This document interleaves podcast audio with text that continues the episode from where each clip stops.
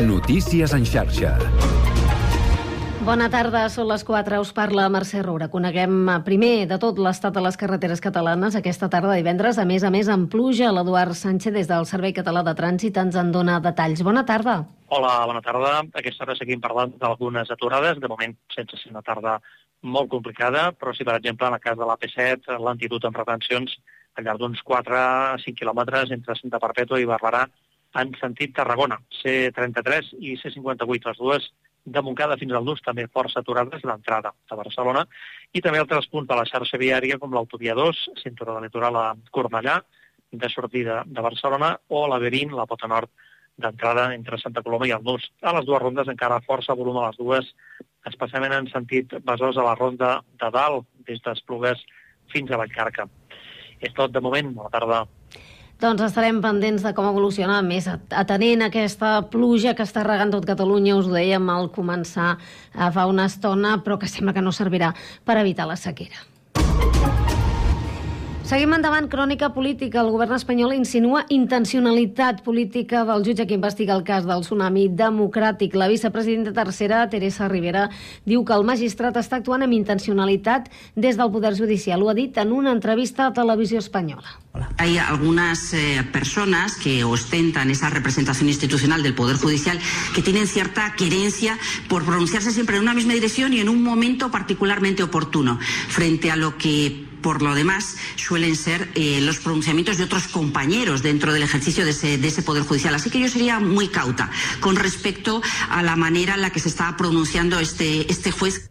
Declaracions que arriben l'endemà que García Castellón tornés a dir que veu delicte, recordem-ho, de terrorisme a la causa que investiga el tsunami.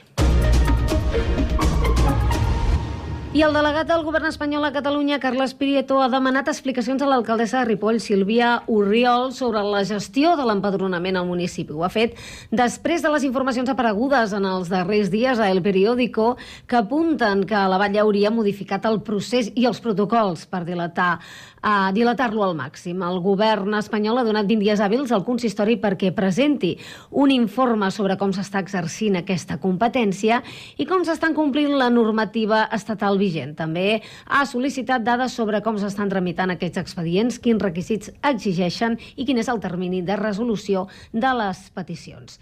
És tot de moment. Tornem a més notícies amb xarxa. Fins ara. Notícies en xarxa.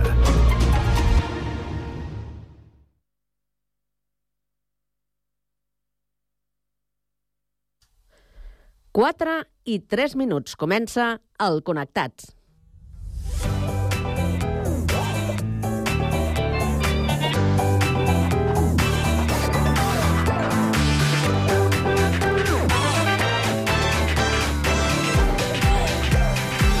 Connectats amb Carme Reversa.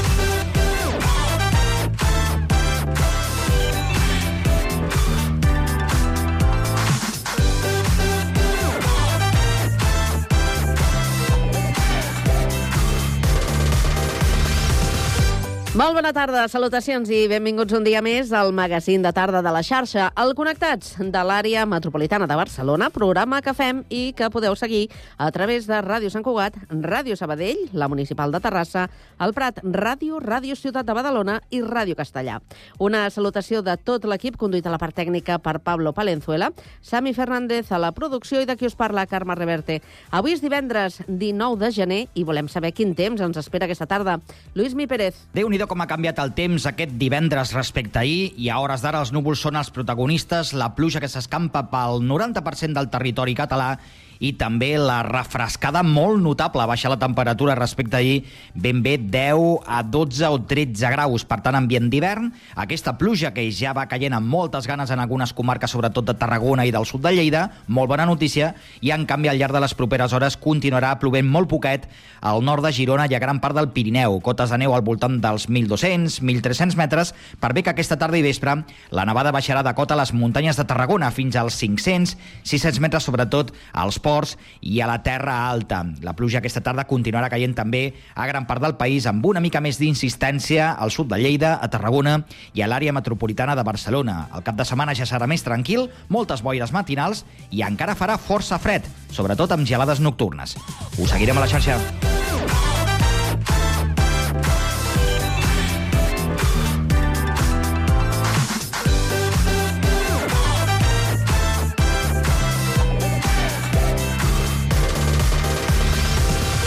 Bé, doncs avui al Connectats parlarem de sostenibilitat alimentària per conèixer dos projectes de proximitat, el Recuperem i el Mercat Circular.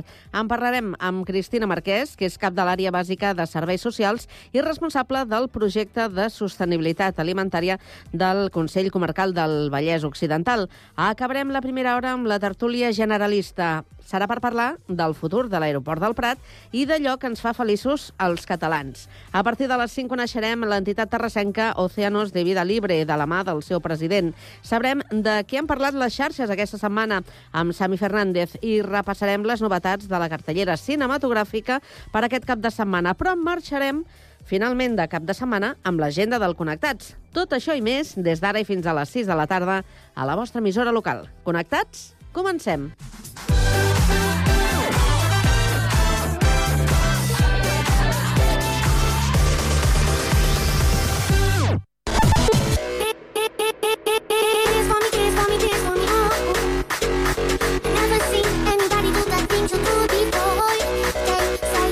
Connectats, una experiència radiofònica a Sabadell, Terrassa, Sant Cugat, El Prat, Castellà i Badalona.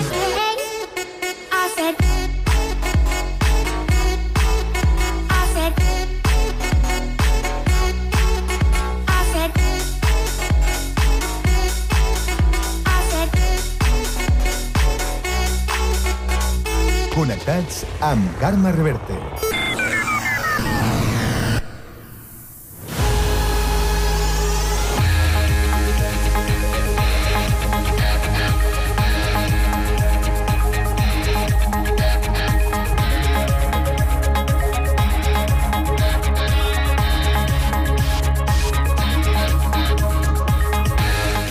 Les 4 i 7 minuts ens actualitzem, ho fem amb la ronda d'actualitat, que avui també obrirem per Terrassa.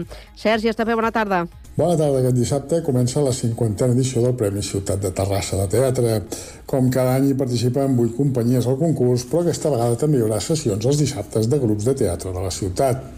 L'acte inaugural serà a la Sala Crespi amb l'Stars Arena Concert, amb la banda municipal de Matadepera, i suposarà un repàs a la història i anècdotes del premi creat fa més de 50 anys, concretament l'any 1966. La primera obra que anirà a concurs es podrà veure l'endemà, quan el taller d'assaig de teatre de Vilafranca del Penedès portarà a la sala Crespi tot un clàssic, Terra Baixa d'Àngel Guimarà. El Premi Ciutat de Terrassa és el més antic de teatre amateur de Catalunya. Enguany, l'organització ha rebut més de 50 propostes, fet que demostra la salut del certamen. A més, aquest any el programa s'ha editat en format llibret, tal i com es feien les primeres edicions. Les entrades valen 12 euros, però també hi ha abonaments per a 10 o a 15 obres. Gràcies, Sergi. Seguim ara des de Sabadell. Pau Duran, bona tarda. Bona tarda. El Gremi de Fabricants ha entregat els Premis Flocs de Llana 2023, un reconeixement que impulsa cada any i on es valora especialment la trajectòria professional de persones a títol individual, però també d'entitats. Enguany els Premis Flocs de Llana tenen el nom d'Esteve Déu, Jesús Rubió i la Fundació Avant. Rubió ha estat guardonat pel seu compromís a l'hora d'impulsar canvis sostenibles en el sector. Déu ha estat valorat per la seva llarga investigació sobre la història industrial i empresarial de la ciutat i la Fundació Van per la seva funció social acompanyant persones i famílies amb malalties neurològiques.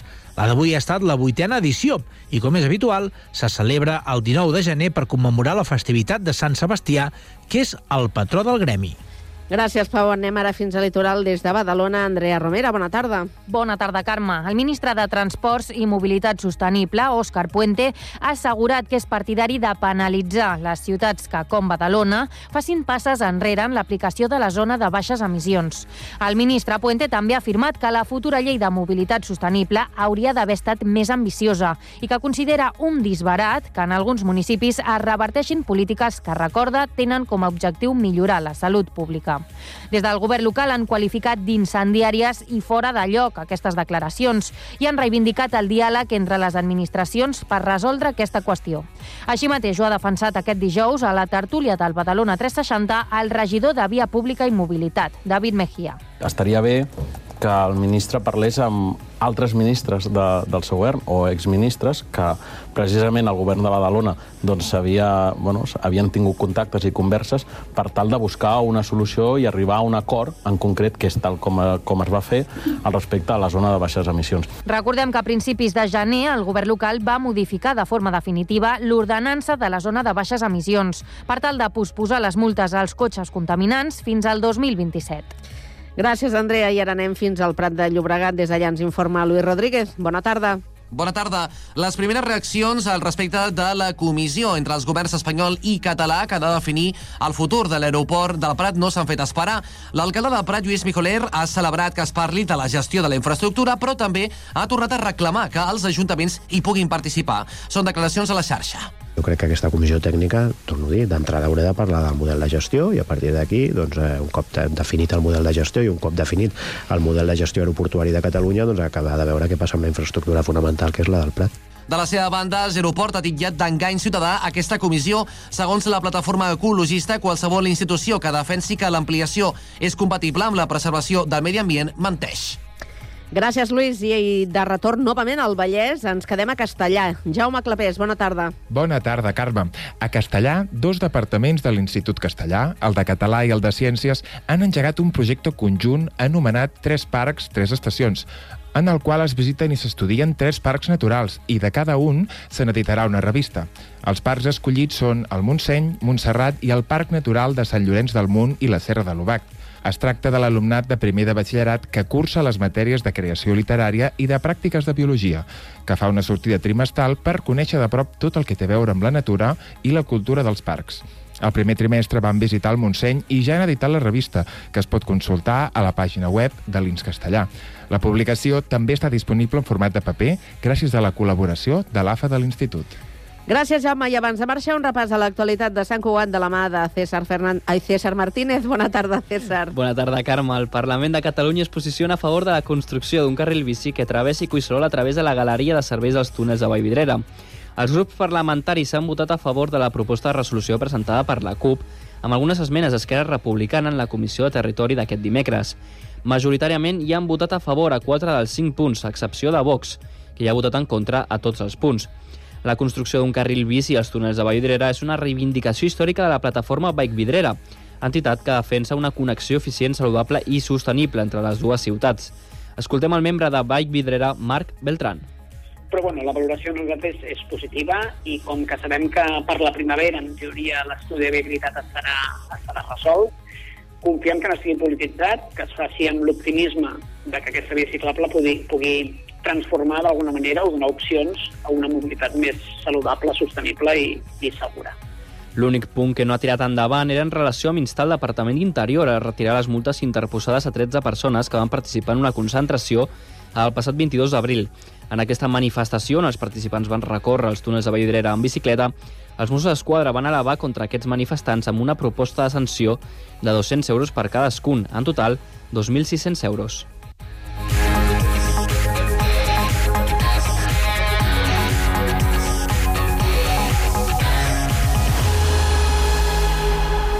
A la tarda, no et desconnectis. A la teva ràdio local, connectats. Can't touch this. Can't touch this.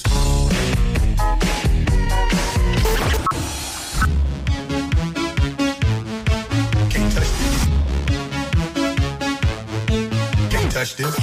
Connectats amb Carme Rebell.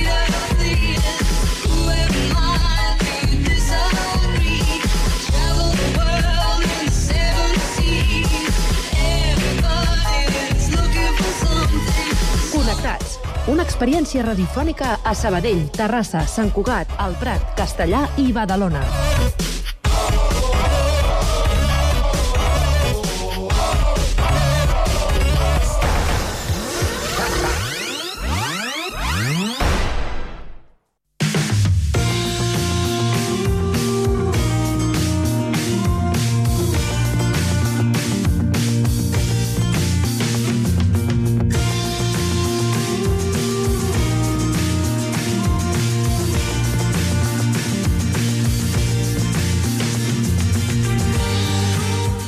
Aquest any arriba a Espanya la llei contra el malbaratament alimentari. A la Unió Europea s'estima que malbaratem uns 131 quilos per persona i any.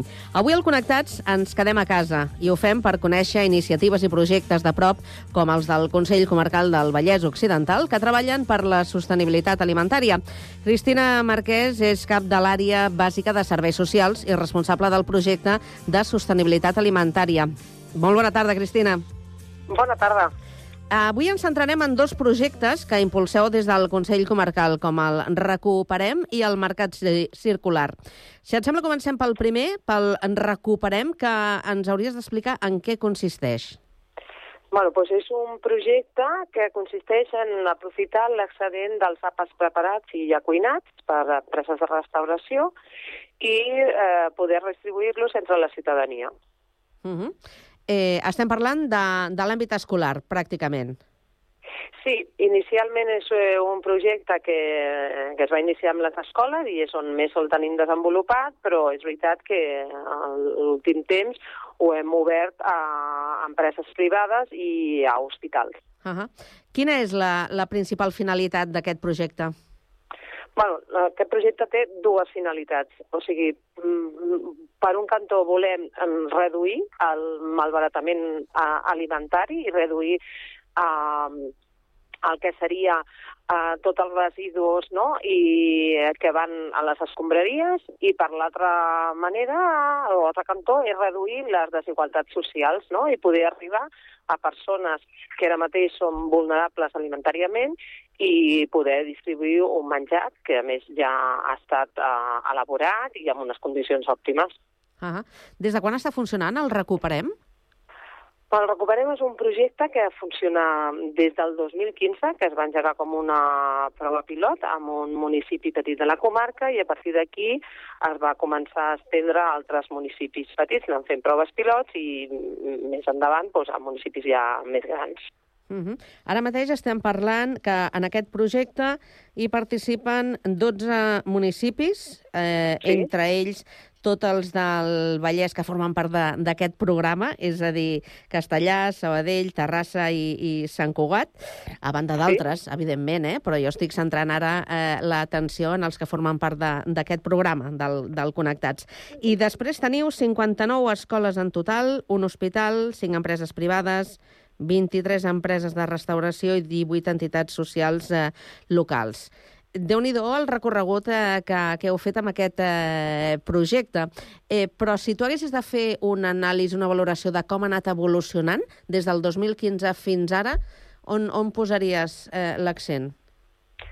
Bueno, jo l'accent el posaria sobretot en, en, en, en creure en el projecte, no? O sigui, vull dir, és un projecte que inicialment eh, bueno, era, era molt novedós, o sigui, hi havia uh, uh, moltes llagunes i hi havia moltes pors, per dir d'alguna manera. No? Ara, com tu deies, hi ha, hi ha una llei, hi ha moltes coses que ens han ajudat. I des d'aquí del Consell Comarcal van creure uh, tant tècnicament com políticament en el projecte i això és el que ens ha fet poder anar creixent, tot i que és un projecte que no podem obviar que té una sèrie de dificultats i a vegades pues, costa una mica trobar els circuits, instal·lar-ho. Hem tingut entremig una pandèmia que ens va parar tot el projecte durant una temporada bastant llarga.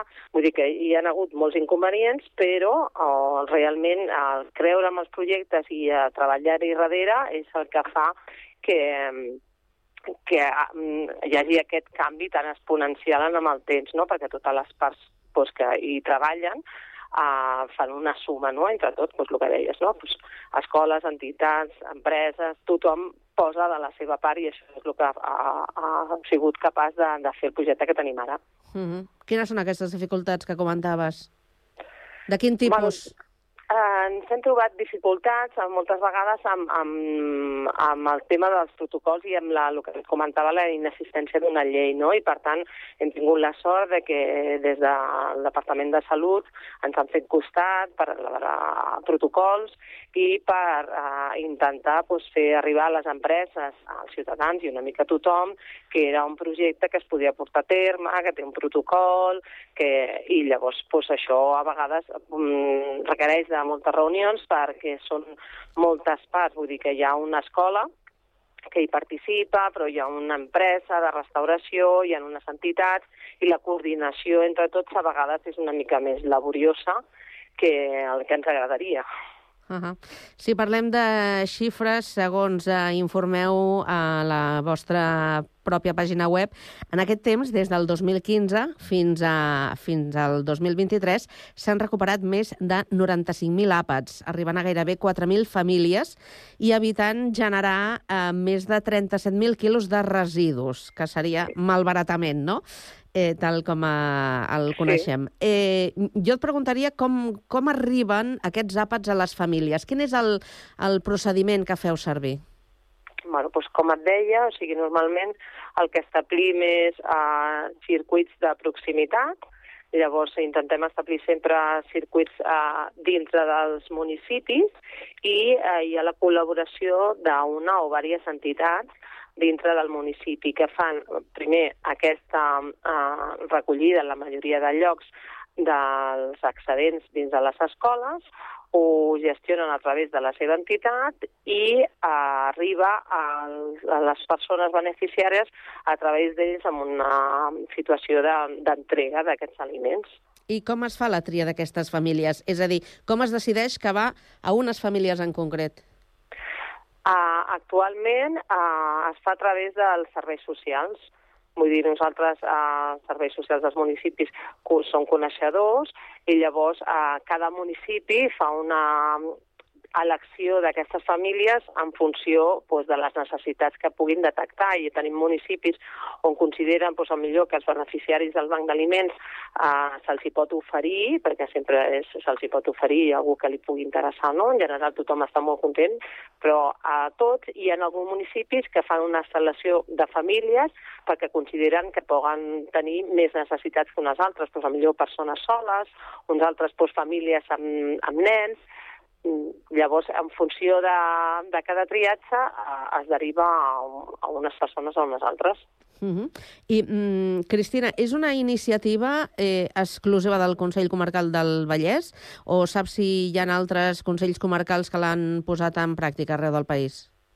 Bueno, inicialment és una exclusiva que sí que podríem dir que estem molt satisfets perquè neix aquí i a partir d'aquí, evidentment, hi ha hagut mm, diferents rèpliques de, del projecte. Nosaltres, um, sempre que algú ens truca i ens pregunta pel projecte, Uh, intentem que sigui replicable perquè entenem que el mateix que és beneficiari per a la nostra comarca és per a qualsevol altre i hem tingut visites d'ajuntaments, de consells comarcals, de fet fins i tot ara que estem iniciant amb els hospitals, l'hospital que va començar va ser el Germans Trias i Pujol, van venir a conèixer el projecte, com es feia, i a partir d'aquí és la rèplica, i el que voldrien és que es repliqués a, a tots els llocs possibles. Vull dir que sempre estem oberts a facilitar tota la informació i l'expertesa que tenim en aquest projecte perquè sigui replicable. Uh -huh.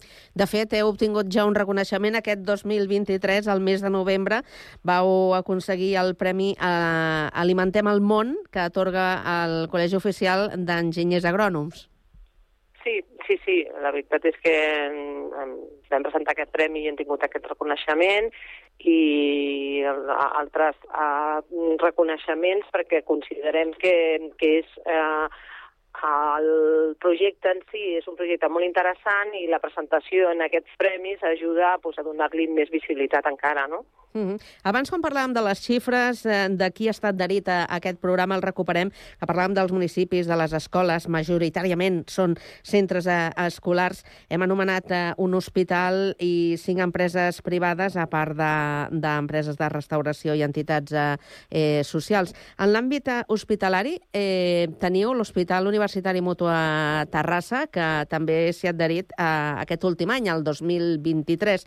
Eh, I l'empresa privada, cinc, cinc empreses empreses. Sobta una mica que, que encara costi tant, no?, involucrar-se en projectes eh, d'aquest estil? Sí, sí, la veritat és que mm, a vegades nosaltres diem que, que és aquesta la dificultat que em preguntaves abans, no?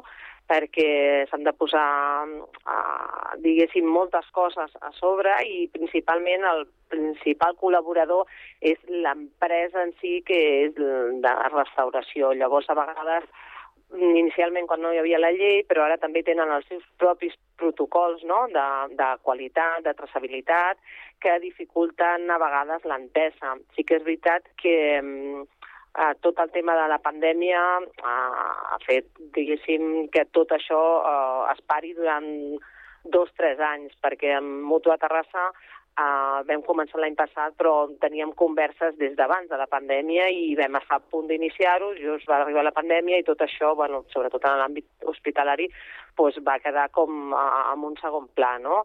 Llavors ara pues, de, també estem converses amb els altres hospitals, no? El que a vegades hi ha altres coses com pues, això, licitacions del canvi de l'empresa o alguna altra qüestió fora de, del que sigui l'acceptació del, del projecte en si que dificulta la implementació. Bé, doncs anem del recuperem el projecte del mercat circular. En què consisteix aquest? Bueno, el mercat circular consisteix en també un aprofitament, en aquest cas de fruites i verdures, que hi ha en el Mercavallès, que encara es poden aprofitar, són mengibles, però ja no són comerciables. Uh, llavors, el, els comercials fan aquesta donació d'aquests aliments. Aquí, uh, normalment, la majoria uh, mesuren a través de caixes, o sigui, la compra i la venda, ser majoristes és per caixes, i llavors doncs, hi ha caixes on hi ha alguna de les peces o de les fruites que pugui uh, estar ja en un procés de no menjar, però altres sí. Llavors, eh, consisteix en, en fer el triatge d'aquest eh, aliment que es fa la donació, llavors el que ja no es pot aprofitar sí que es converteix en residu i el que sí que es pot aprofitar, doncs, el tornem a aprofitar un altre cop. I aquest projecte des de, quan està, des de quan està en funcionament? Aquest projecte va començar en el 2020 el 2020, o sigui que aquest és bastant sí. més recent. I sí. de moment només està funcionant el, el Mercavallès. Sí, sí, és un projecte que funciona al Mercavallès, és un projecte que ve basat d'un projecte similar però a molt més gran escala que també tenen a Mercabarna uh -huh. i en principi mm, funciona al Mercavallès perquè és l'únic mercat majorista que tenim aquí a la comarca. Uh -huh. M'imagino que uh, la idea uh, o l'objectiu també és fer créixer el, el, recu el Recuperem com a iniciativa de, del Consell, ampliant-lo doncs, a noves incorporacions. I jo no sé si, com explicàvem al principi, l'arribada d'aquesta nova llei, això eh, us pot aportar eh, més entitats adherides?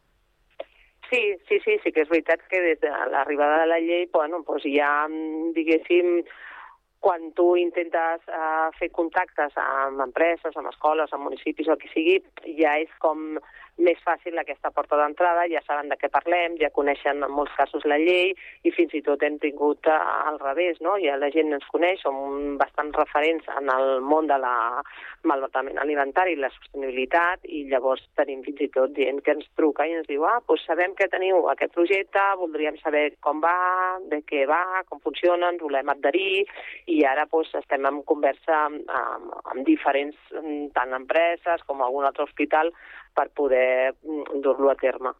És a dir, que el projecte Recuperem eh, anirà caminant i anirà creixent amb, amb els anys. Eh, una última qüestió. No sé si teniu algun altre projecte mm, eh, en ment, eh, a banda dels dos que ja hem comentat avui. No, en principi eh, ens estem in, uh, centrant en aquests dos, per tant també de, de consolidar mm, i de poder fer petites proves pilots però dintre de, de, del mateix uh, projecte. No? Vam fer unes proves pilot de la introducció d'unes bicicletes per fer un circuit de ciclologística, en dos dels municipis que ja participen, un és Castellà i l'altre és Palau Soliter Plegamans, i ara doncs, tenim també en ment a, a fer algun altre projecte pilot, però dins, de moment, d'aquests dos projectes, per mm, acabar de consolidar-los, fer-los una mica més extensius a algun municipi de la comarca que per diferents raons fins ara no, no hi estan col·laborant i després doncs, anirem ampliant. Uh -huh. Doncs Cristina Marquès, cap de l'àrea bàsica de serveis socials i responsable del projecte de sostenibilitat alimentària del Consell Comarcal del Vallès Occidental. Moltíssimes gràcies per passar pel Connectats i explicar-nos quina és la tasca que esteu fent al voltant de, precisament per evitar aquest malbaratament alimentari. Gràcies i bona tarda. Gràcies a vosaltres, bona tarda.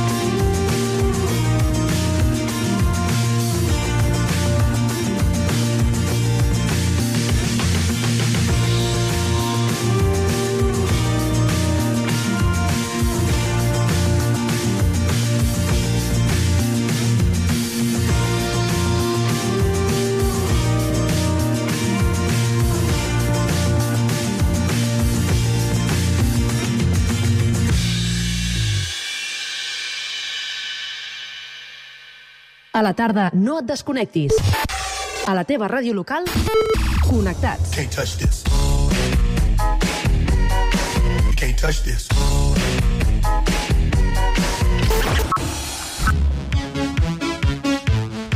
Can't touch this. Can't touch this. Connectats amb Carme Rebell.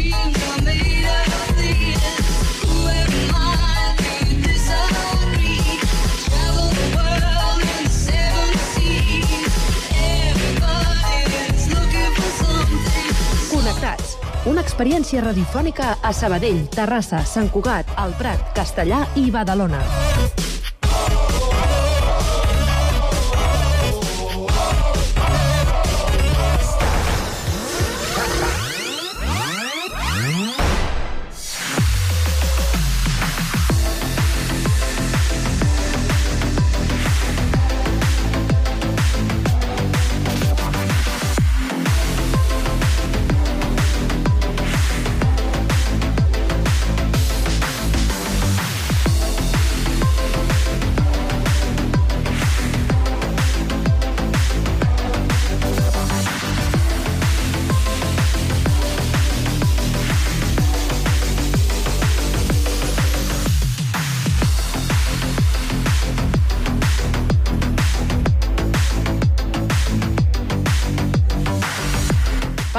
Passen 3 minuts de dos quarts de 5 de la tarda i ara és temps per a la tertúlia, a aquest espai d'opinió, que avui compartirem amb la Marina Domènech, que és estudiant de Comunicació Audiovisual i la tenim a Sabadell.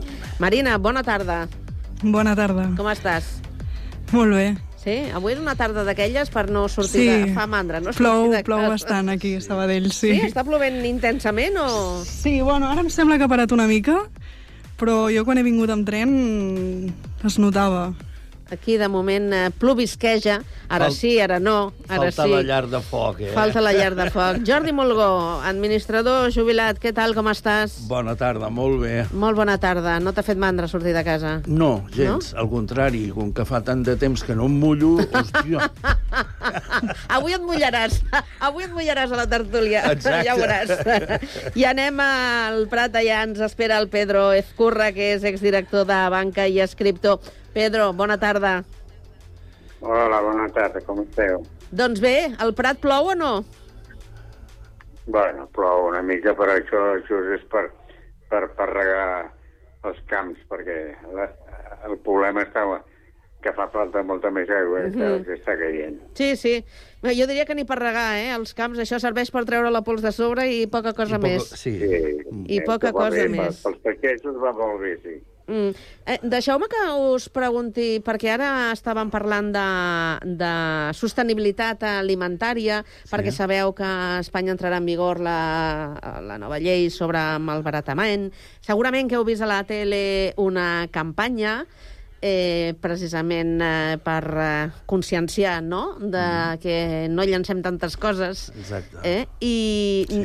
jo, mira, ara farem una mica així una, una roda per veure i tenir les primeres impressions eh, de, de la vostra experiència eh, personal. Marina, tu, tu, per exemple, a casa ets una persona que això de, del menjar ho tens controlat, perquè, clar, tot depèn de les compres, eh? A vegades comprem Clar, és més. Sí, sí. més del, del que necessitem i al final ens n'adonem que no ho hem consumit, se'ns ha passat i l'acabem llançant.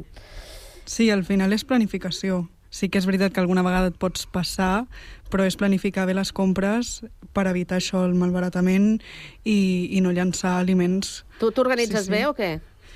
Sí, jo crec que sí. Sí. Bé, doncs així eh, eh, diríem que, que l'es- l'esforç que en teoria s'hauria de fer Mm. el tens, el tens eh, eh, interioritzat, no? En, Sí. en la teva manera de- d'organitzar-te i de fer. En Jordi, a casa teva malbarateu molt o...? No. No, gens. Eh, Procurem de que... Home, gens, gens, eh, però... És difícil, eh? És difícil, sí, sí. Però intentem, eh? I si hi ha alguna cosa que ens hem passat perquè hem comprat o no sé què, intentem de cuinar-ho, si es pot cuinar, clar, Sí. i guardar-ho. Vull dir, ja cuinat Donar-li una mica més de vida. Ah, exacte. I acabem consumint-ho, vull dir... No llancem massa cosa, no? Mm. No, no. I Pedro, a casa teva, què? Com us organitzeu, això? Bueno, nosaltres sí que ma- malbaratem moltes coses perquè a vegades comprem i al, al, al ser poques persones pues, pues sobra i, i clar, l'aprofitament depèn de la necessitat, no? Pensa una cosa, que jo vaig néixer abans de la guerra, Mm. no? I llavors van passar 4 o 5 anys de molta gana. I a mi no cal que m'expliquin el que és l'aliment i el que és el desperdici, perquè quan érem petits tot el que era comestible anava per a la boca. I, i ens vam immunitzar, i a partir d'aquí jo soc dels que acostumo a deixar el plat net, no, perquè, perquè era, era un delicte quasi bé Clar, sí, no, sí, no sí. netejar plat. No, no, no podíem deixar res, no, no es llença ni un tros de pa, No. eh? eh el que t'has deixat al dinar és per sopar, Exacte. no? I neteja el plat, eh? Els, els d'aquella generació no cal que ens parli de malbaratament perquè ho portem des de petit. L'altra cosa que la realitat és que vivim en una opulència Sí. que ens fa moltes vegades pues, llançar coses que podíem aprofitar. Això, això és la veritat. Clar, però és Sí. que a més ens hem acostumat a que no ens falti de res a casa. És a dir, a casa hem de tenir de tot per si de cas, Sí. No? Clar. I, I ens passa això, que se'ns acaben fent malbé algunes coses. Nosaltres... Moltes, moltes fan malbé. Sí. Sí, sí. I un altre, un altre factor que potser també influeix una mica és quan a casa tens la família, els pares, en- bueno, els pares, el, el, la parella encara treballen tots dos, vas una mica més escopetejat i llavors Mm. sempre et protegeixes una mica i podria ser un dels factors també que et fes comprar mm, Més una del- mica més, més del compte. compte Mm. perquè tens por de quedar-te curt, eh, si és tot un problema. Ara ja no tant, perquè els horaris van variant una miqueta i encara trobes botigues obertes, però uns quants anys enrere, Jo- quan passaves ja... A, a, abans eh, s'acostumava a tenir el rebost, Exacte, no? exacte. Ara ja no sé si això del rebost es fa servir tant. A veure, Marina, tu... No gaire, no. No, tu compres Jo, més, nosaltres- més pel dia. Més, sí, més a la setmana, Sí? més al mes, sí, sí. Mm, mm. Nosaltres la, el rebost el- l'utilitzem més per conserves o coses que ja tenen durabilitat que no pas per res més. Eh? No... Ha desaparegut, a més. A casa teníem un armari que era el rebost i, Mm. i la, no l'utilitzàvem. No. Ha desaparegut. Ja, ja, ja, ja. Com canvien els temps, eh? Vinga, doncs eh, anem a parlar de, de l'aeroport del Prat. Déu-n'hi-do. Què, què us... Tornem, eh? Tornem a, tornem a parlar després, eh, potser fa un any, que, que parlàvem, Pedro, de, de les opcions de, de la tercera pista, de si fer-la sobre el mar, de si allargar la curta, no? la pista curta que eh, hauria de menjar-se una part de la Ricarda...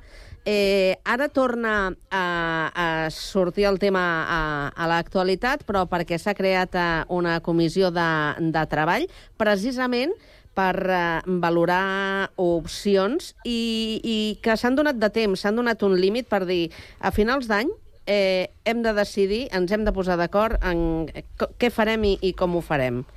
Llavors, aquí l'opció està en optimitzar el que hi ha o bé ampliar. Són coses diferents. I tant. Pedro, vinga, tu que ho tens més a prop, ho tens a, a, a tocar. Bueno, jo, quan permete que et corregeixi, perquè no es parla de la tercera, es parla de la quarta. Jo he viscut el, quan es va fer la segona i quan Sí. es va fer la tercera que la tercera és la que volen ampliar perquè els avions necessiten més Correcte, prolongació, i ara estem parlant d'alguna manera de la quarta o de l'allargament. Bueno, però jo, jo sóc el menys indicat perquè jo tinc, estic molt sesgat, perquè, clar, aquí es parla de l'aeroport només com si fos a la fi del món. El, en tot cas, és la fi, la fi d'un territori, però aquest territori ja va començar a fer-se malbé pues ja quan van començar a, a, a voler tenir un aeroport de primera. I a partir d'aquí, pues, pues clar, ja van desviar el riu, aquella zona eh, ja va quedar totalment industrial, ara els avions baixen minut per minut, pugen i baixen minut a minut, ens fan soroll, ens deixen pol·lució, i els del Prat, quan escoltem això, bueno, sí, ja ho sé, que a nivell espanyol fa falta un altre aeroport també tan gran com el, com el que ja està a Madrid o el de Mallorca, però aquí el terreny és el que hi ha, no? El que passa que eh, a la gent del Prat pues no es tenen en compte, però clar, la gent del Prat ha de pensar que també està vivint de l'aeroport, perquè a part del pressupost municipal Mm. mm. també es nutreix de, de, dels impostos que paga l'aeroport i el port de Clar. Barcelona, que també està dins del terreny del Prat. Mhm. Per tant, jo sóc el menys indicat perquè ho tinc clar. El que no tenen clar són els polítics. I quan no tenen clar una cosa, fa, fan el que han fet ara. Proposar-se que a final d'any, eh, vol dir, ara tindrem una comissió que fins final d'any no, no començaran a parlar què es pot fer, però com que després vindran les eleccions al mes de maig de l'any 25, també estarem un altre any... O sigui que això serà terra- el dia de la marmota, que no, Home, no acabarem mai. no, no sé qui va dir que si no tens clar una cosa, munta una comissió i vés-te'n a dormir tranquil. No? Com ho sap? Molt bé, doncs vinga. Eh, Marina, eh, tu, tu què estaries? Per optimitzar el que hi ha o per ampliar? Home, jo tiraria per optimitzar, perquè potser no cal, no?, ampliar infraestructura. No sé. A més, a plantejar això en plena emergència climàtica em sembla, no sé, crec que ja és hora de que deixem la Terra en pau, sí. Potser vindran més vols, però potser tampoc els necessitem, no? Eh, no ho sé, i és això el que, el que diu la notícia de, de que els experts senya- assenyalen que, que al final portar més vols eh, no pots fer-ho sense afectar a la natura o als veïns. Llavors, jo crec que hauríem de ser més respectuosos amb tot aquest tema i optimitzem, però no cal. No cal anar construint a diestro i siniestro més infraestructura. Mm. Sí. No, jo estic bàsicament d'acord amb això. Jo, eh, si s'ha de fer alguna cosa perquè és necessària, és rentabilitzar el que tenim a les mans. És dir, si hem de fer uh, reestructuracions o hem de fer per, per treure més bon resultat, fem-ho, uh, però no toquem massa. Vull dir, a veure, rentabilitzem, però calma. Hi ha una altra cosa de sentit comú que em sembla que... I, i, bueno, jo ho tinc molt present. És a dir, si en aquí hem de forçar tant la màquina per poder tenir un hub d'aquests internacionals i que no sé què i no sé quanto, perquè no hi ha espai, no fotem a gastar diners en va, que tindrem problemes després i que a la llarga s'haurà de posar en un altre lloc. Comencem a Jo, buscar si em perdoneu, per, Digues. jo, si em perdoneu, sóc una mica irònic, no? Però Mm. quan es parla de natura, potser el que parla de natura és que no coneix el que està passant al Delta i el que està passant amb els aiguamolls. Jo, he- jo he vist tots els aiguamolls i una vegada el professor dels més, que la, el, el, com es deia, el professor bueno, no me'n recordo, era un expert número 1, fa 50 anys ja va dir que els aiguamolls és una cosa que es poden fer i desfer. Hi havia la Murtra, hi havia el Remolà, hi havia la, la Ricarda, però aquests aiguamolls, segons el professor Margalès, ens va explicar fa 50 anys que un aiguamoll es fa i es desfà quan es vol. A parlar de natura, al delta del, del Llobregat, és parlar per parlar, perquè els ocells tenen que estar eh, sords, perquè cada minut aneu allà i veureu quan parlem dels ànecs i dels ocells, jo penso, però, però si, si deuen estar sords, però és que després la pol·lució, si d'on visc jo, si, ve, si veieu l'atmosfera de l'aeroport com està, eh, pues està eh, d'un color fosc totes les 24 hores del dia i quan hi ha el garbí nosaltres ens en passem tot el que, el, el, el que, el que deixarà el queroseno dels avions. Per així, parlar de naturalesa en una zona que ja està liquidada. El que queda és tan petit, no hi ha ranes, no perquè, perquè el riu ja no se senten cantar les ranes, és que és un jardí molt bonic artificial que ens costa una milionada mantenir per quatre aus que si tenen sentit comú no es pararien aquí. Eh? Una altra cosa és que ja està fet malbé això. Això ja no ho salva ningú. I llavors, una altra cosa és que convingui ampliar o no ampliar. Però crec que és, és, és, és, és, és enganyar-se a parlar de natura en un espai que ja no en queda. Val, doncs, com, com, que, que, com que està clar, està clar, Pedro, pel que eh, esteu dient tots, eh, i per les opcions que, que, que aposteu, que l'espai és el que és i que, Exacte. i que, i que millor no, No no cabe. com diuen els gallecs, no meneallo, eh, potser, potser que eh, es busqui un altre emplaçament. Vosaltres teniu idea... eh, On posaríeu un altre aeroport? Amb això sí que em- no, no, No sé. no en sóc conscients. És que L'abuelo en tenia un. La- L'abuelo? Ah, cony. No, no us en recordeu? De l'abuelo. Que tenia De Castelló. aeroport De Castelló. No, però bromes, bromes a part, eh, si Sí. s'ha de buscar un lloc, eh, no sé si teníeu clar on posaríeu un aeroport. Home, una mica apartat. És, és a veure, en algun lloc eh, hi ha d'haver terreny suficient. És a dir, com que són dos eh, coses totalment diferents, jo el que veig és que a l'aeroport del Prat hem de començar a mentalitzar que som els Estats Units d'Europa. I llavors això pot servir com a um, aviació, diguem-ho com vulguem, interior d'Europa. Però, clar, l'altre és un hub internacional. Sí, Vull dir, sí, no sí. té res a veure. És a dir, Barcelona ho pot necessitar? Sí, i tant. A la millor, jo que sé, necessitem més Però comunicació... no necessàriament al Prat. Exacte. Val. Perquè són dues coses diferents. Jo ho veig diferent. Mm, veig el Prat com el turista que corre, corre, perquè demà he de tornar a marxar, i en canvi els altres el veig com més uh, un hub per anar als Estats Units, no és dos dies, s'estarà allà 10, 12, 15 dies, perquè si no tampoc tindria massa sentit, no ho sé. Qui, té- algú té Però alguna clar, idea? penseu- Digues, Pedro. Home, jo... Perdona, de cara, de cara al futur, pensant de cara al futur, penseu que a Catalunya i a Espanya avui hi ha una població im- immensa de sud-americans, d'africans, i que forçosament a algun puesto tenen que anar i venir aquesta gent. Ja no parlem dels turistes i de nosaltres, els que venen, sinó que ens estem omplint de gent que, que, que, que, que són africans i són sud-americans i aquesta gent també necessitarà eh, el dia de demà pues, necessitarà avions per tornar a casa, per anar a venir. Vol dir que, que, mm. que eh, Barcelona és un punt estratègic que no pot estar sense un gran aeroport. I quan més gent i més negocis muntin, més aeroport. O sigui, sí. Això és, és, també es parlava a la tercera pista, era una, era una bestialitat, era un luxe. I, i ara estem parlant de la quarta. Per què? Perquè la Barcelona i Catalunya i Espanya necessita una potència aèria i, i, tot l'altre és, és, és on ganes de no veure la realitat. Un altre aeroport, a on? Pues tindria que ser en un terreny que no hi haguessin ni urbanitzacions. I, i on te'l trobes? Lluny. Pues ha de ser molt lluny de les ciutats. El centre d'Espanya està ple per posar aeroports, però Mm. qui diria allà? Sí, sí. És Barcelona. Barcelona Bueno, ho demanen, no clar, sé. ho demanen. Vinga, Marina. Jo penso, jo penso que potser no, no cal un, un altre aeroport. O sigui, per què més avions? Sí, és veritat que hem anat comentant, no?, que si el turisme, que si la gent que ve aquí i després per tornar a casa seva necessitarà eh, agafar un avió, però no ho sé, jo potser no afegiria més, més vols. Tenim també altres alternatives a, a volar, de transport...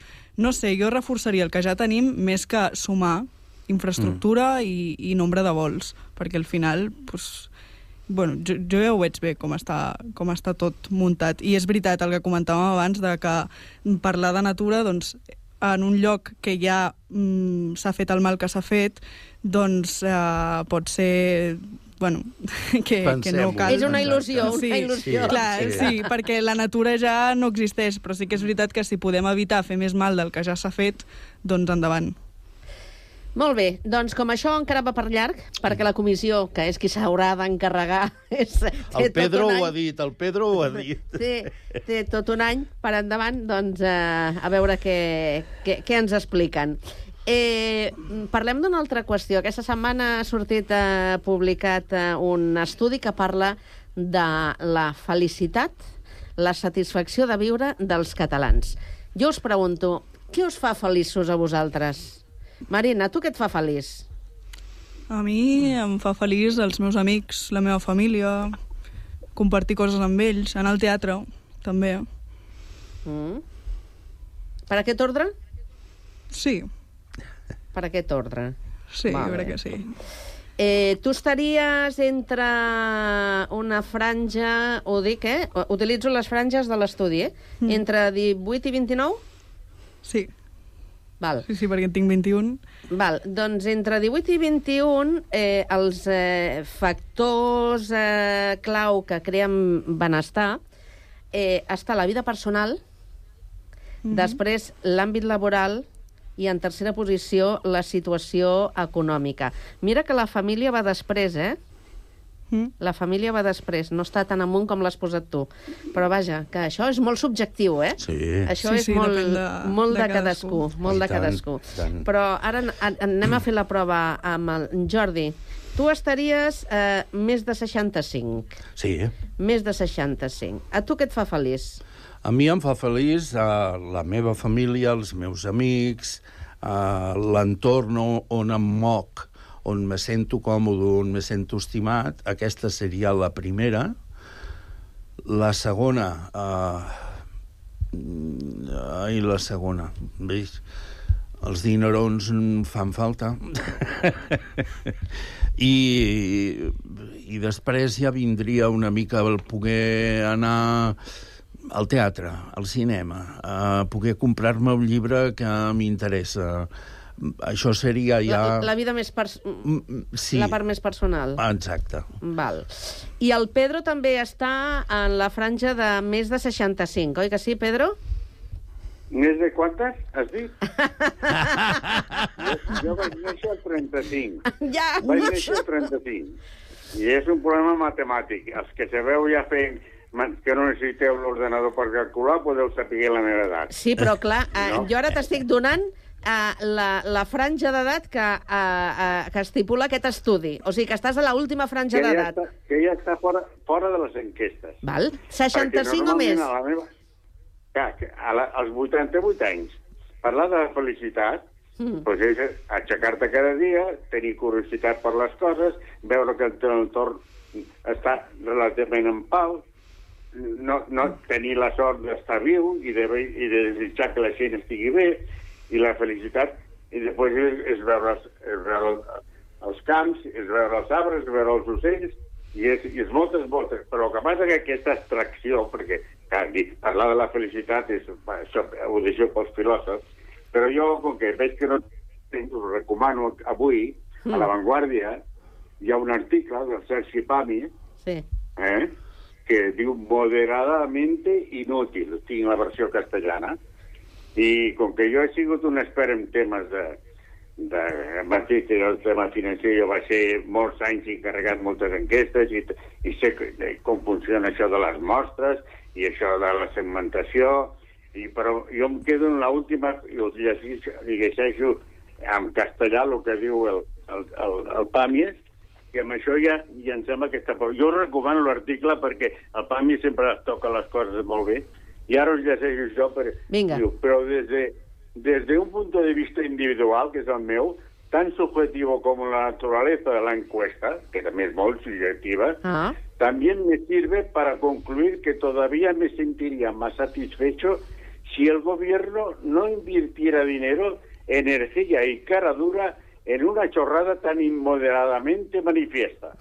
Pues mira, i, eh, però primer ell tot això ho argumenta, eh? Jo, I al final és això que us diria. Ja, jo O us... sigui, què és la felicitat?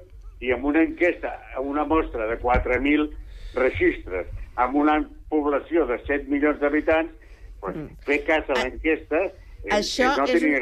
Això és una primera mostra. La idea del govern és continuar fent enquestes de manera periòdica. Per què? Perquè volen utilitzar aquests indicadors, diuen, de benestar, com una eina per millorar les polítiques públiques. És a dir, que si resulta que a tu et preocupa molt la salut, vol dir que potser ens milloraran la situació dels hospitals, dels CAPs i tot això? Vol dir?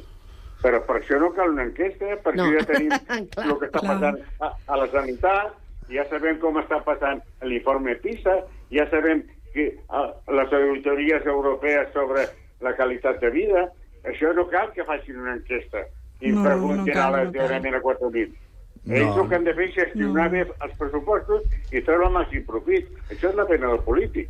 Jo I- crec que estem obsessionats en, en la felicitat i en ser Exacte. feliços i potser no cal, no? O sigui, al final... No.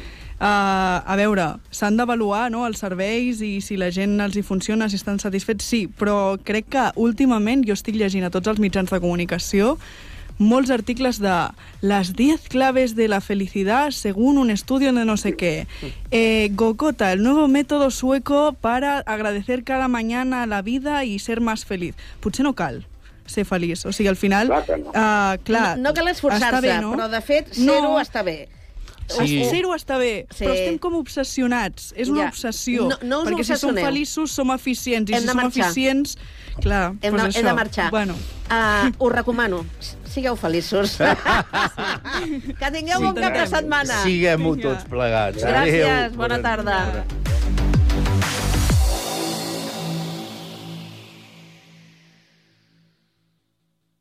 La música de tots els temps a Ràdio Sant Cugat.